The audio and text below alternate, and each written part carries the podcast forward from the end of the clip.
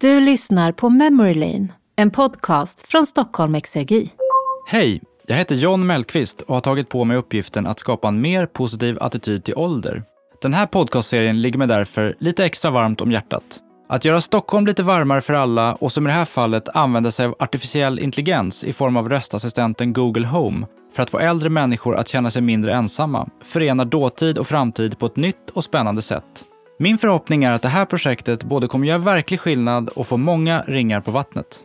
I det här avsnittet får vi höra Ingegerd Brusewitz, en levnadsglad 101-årig kvinna som upplevt mer än de flesta av oss.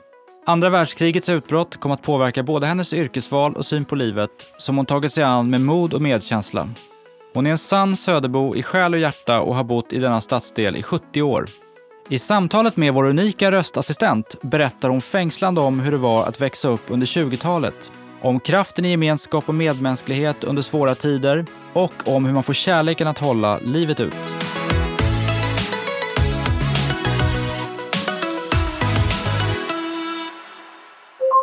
Hej och välkommen till Memory Lane. Du får gärna dela din berättelse med dina nära och kära. Hur mycket hinner en människa med under ett liv egentligen? Ganska mycket, Fråga bara 101 år gamla Ingegärd. Hon har flytt från ett annalkande världskrig vårdat sårade soldater vid finska gränsen och skrivit flera böcker. Ändå blickar hon sällan tillbaka. Jag tänker nog mera nu bara, hör du. Eh, jag är inte så mycket att tänka tillbaka.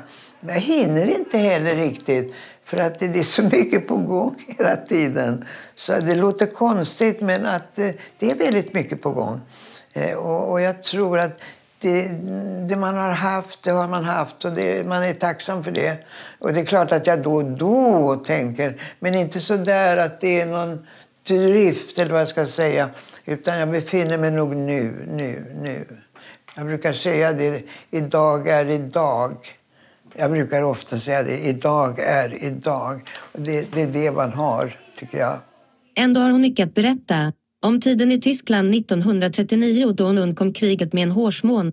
Det mest spännande var ju då när jag skulle därifrån. För det var ju inte så många båtar och jag sprang ner i hamnen och, och då fick jag se en svensk båt. Det var en väldigt dålig skuta, skuta som kallades för Östersjöns spöke.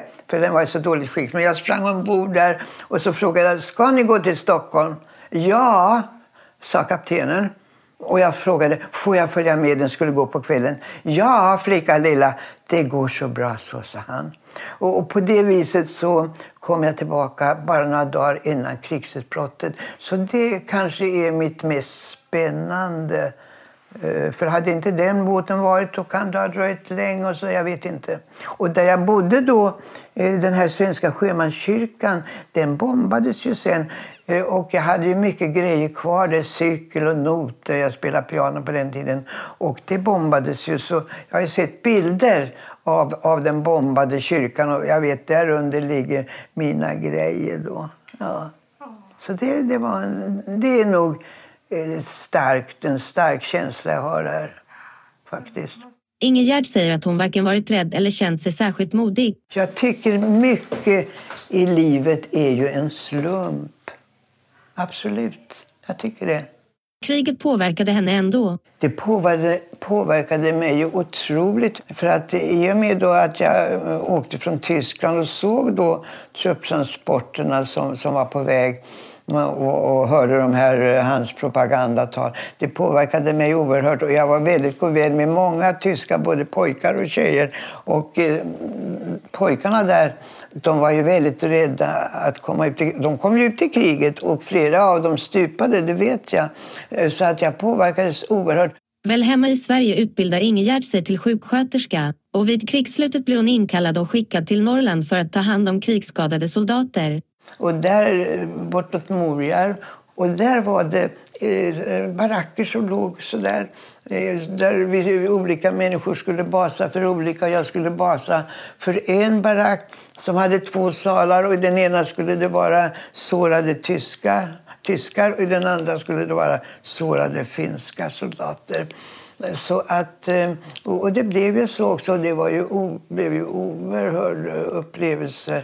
Mycket, mycket, mycket sorg också för att Bogga var ju så svårt sårade och de dog ju. Jag var på en minnesstund då det stod elva sådana här vita kistor. Då. Och de här pojkarna hade man hjälpt till att vårda kort tid kanske. De var ju väldigt skadade. Men eh, det var en stark, oerhört stark upplevelse. Men Ingegärds liv har också präglats av mycket lycka.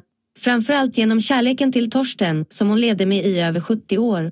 Ja, han var gullig. Han var gullig. Absolut. Jo, han, han var, jo, han var det. Jag, jag, jag älskar nog Torsten. Mm, jag älskar honom. Och det, det, har varit väldigt svårt sedan sen han dog då. Att eh, när man är van vid det under så långt liv och leva två, tycka om varandra. Men eh, livet är ju inte oändligt. Det är ändligt. Hemligheten bakom ett långt förhållande handlar enligt Ingegärd om en sak. Det tror jag var tolerans. Jag tror väldigt på tolerans. Just det där att var och en gör vad den vill göra. Och om man inte säger nej, nej, vi ska göra det här, vi ska göra det här. Eh, utan att var och en känner man kan gå på teater med, med kompisar eller den andra kan gå på något annat med kompisar. Eh, och, och sen går man ju gemensamt på mycket också. Men just den där tror jag, toleransen, det är det viktiga. Att man inte är som eh, sån där häftplåster, vad ska jag säga. Trots sorgen över Torsten upplever hon inte att ensamheten påverkat henne så mycket. Jag har inte känt så mycket av ensamheten. Jag blev, Torsten dog ju 2015 och då blev jag ju ensam. Vi hade inga barn. Eh, men eh, jag har haft ganska mycket vänner hela tiden och, och väldigt gulliga släktingar. Eh, så att jag har inte känt mig så där att oh, nu är jag ensam. Utan jag har kunnat, de har kommit och jag har kunnat gå bort. Så, så att nej, jag har inte, upp, jag har inte upplevt Eh, en, en ska vi säga, negativ ensamhet. Man vill ju vara ensam ibland. En positiv ensamhet. Man vill kanske samla sig och man vill göra dittan och dattan. Men eh, nej, den där negativa... Ja, än har jag inte känt den, men den kan komma. Men nu är jag ju... Nu, är jag ju, nu bor jag ju kollektivt och det tycker jag är väldigt bra. Inte heller hennes vänner har påverkats av ensamhet. Mina jämnåriga vänner, och, och, de är döda allihopa. De är döda faktiskt. Eh, så att eh, jag har ju en, en god vän, en, en eh, engelsk tjej som är, är 90, 91 år. Men hon, ja, hon känner sig inte ensam heller, det gör hon inte. Eh, så att, eh, nej, jag, har, jag har inte upplevt det där att någon av mina vänner har klagat över att, att jag är en ensam och jag är bortglömd. Det har jag inte behövt. Att åldras är inte alltid enkelt. Men Ingegärd känner sig fortfarande ung i sinnet. Ja, hörru du. Det är både en tillgång och en nackdel. Det är väl en tillgång så att man, man tar Eh, man tar inte åt sig av saker och ting så där, utan man har, en, man har distans till väldigt mycket. Det har man. Men sen har man också kroppens förfall. Eh, och, och, det kan vara väldigt jobbigt. Att man vill ju vara som vanligt, man vill kunna gå fort och, och, och, och vara väldigt eh, på alerten. Och det får man ju acceptera när man blir så här gammal som man blir nästan 101. Vet du. Allting går ju så långsamt, undan för undan. Man åldras ju inte från, dag, från en dag till en annan dag. Va? Utan man åldras ju från det hela tiden. Så, där, så man, man märker det ju knappast eh, förrän man är riktigt gammal. Men samtidigt är det ju så... Här sitter jag då är 101 nästan och känner mig som en tjej. Jag tror att, att ja, vi vill tjej. Du är ju tjej. Ja, men jag är väl också tjej. Men, men, så det tycker jag är roligt. Att man har kvar hela, man har kvar hela livet, hela livet i sig. Eh, så att, nej, jag känner mig ofta som en tjej. Det gör jag. Man gör det. det och det är det som är det fina med, med åldrandet. Att, att man kan göra det, faktiskt. Som boende på ett omsorgsboende träffar Ingegärd många nya människor och skapar nya relationer. Nej, men man, man lär ju känna de som sitter vid samma bord.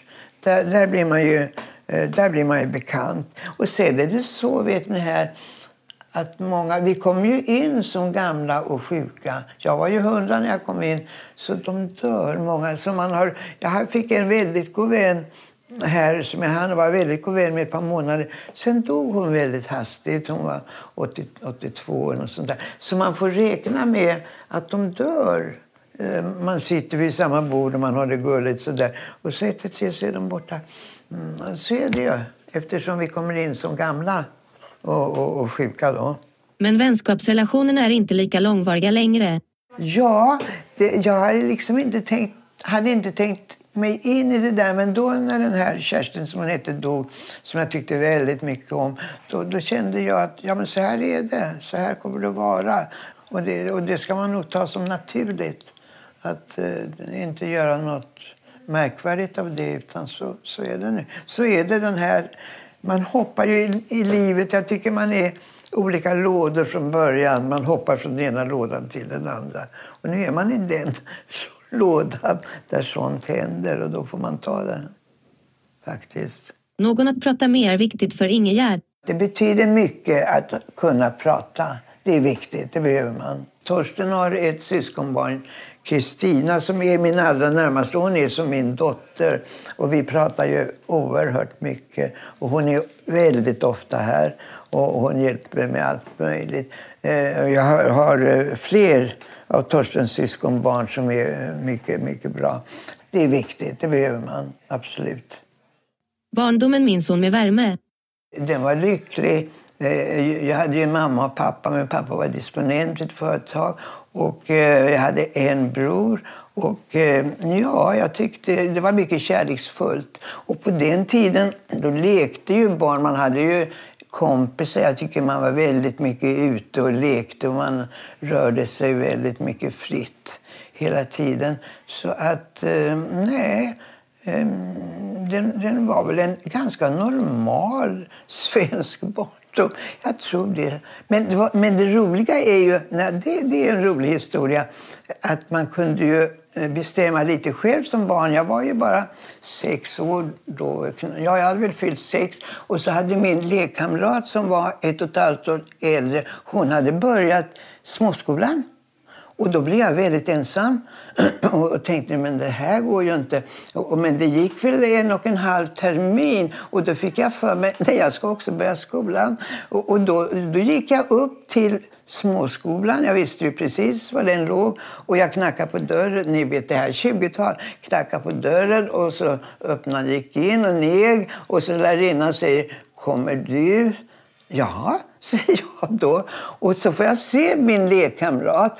Och hon, hon och en annan eh, annan flicka sitter i samma bänk. Det var ju bänkar för två då.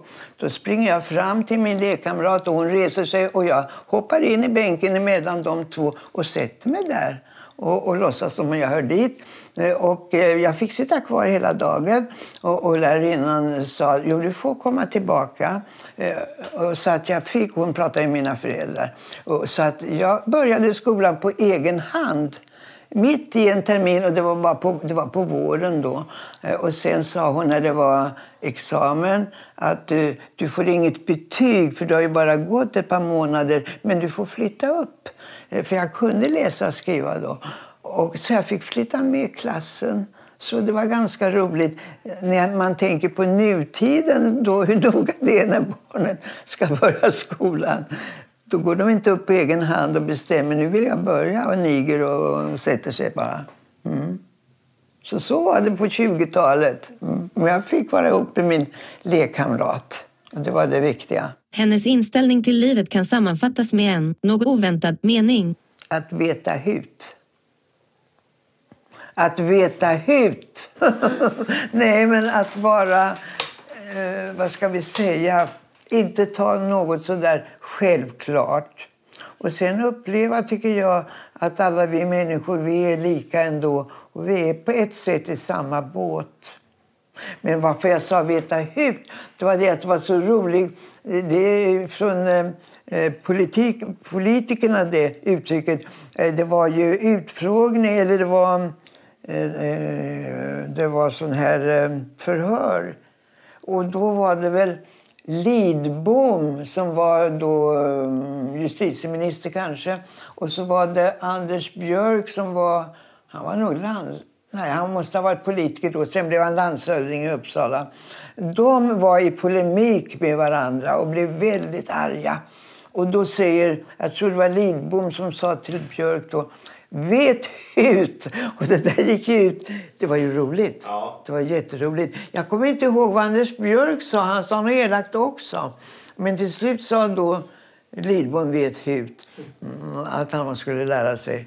Så det där är politikerna. Det, nej, jag menar mer att jag har lärt mig att, att kanske ändå vara rätt ödmjuk inför livet. Det får man vara. Så det, tror jag man måste.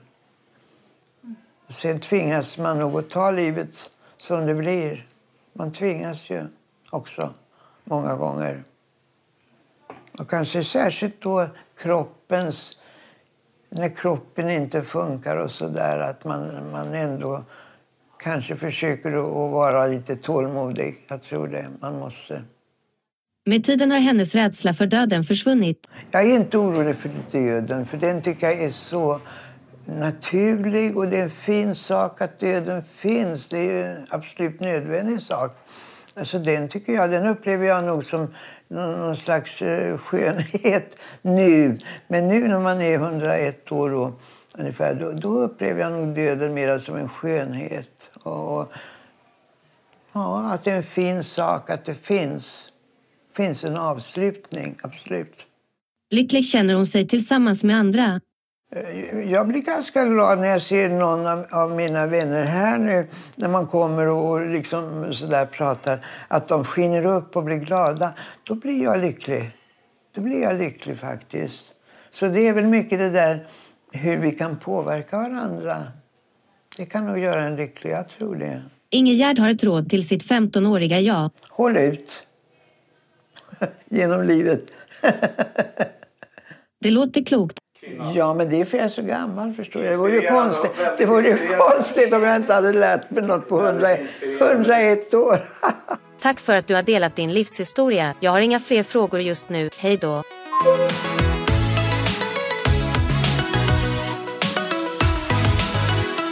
Det här var ett avsnitt från Stockholm Exergis podcastserie Memory Lane. Du kan lyssna på fler avsnitt med livshistorier på stockholmexergi.se memorylane eller i din favoritpodd-app. Memory Lane produceras av Accenture Interactive i samarbete med Lexter Ljuddesign.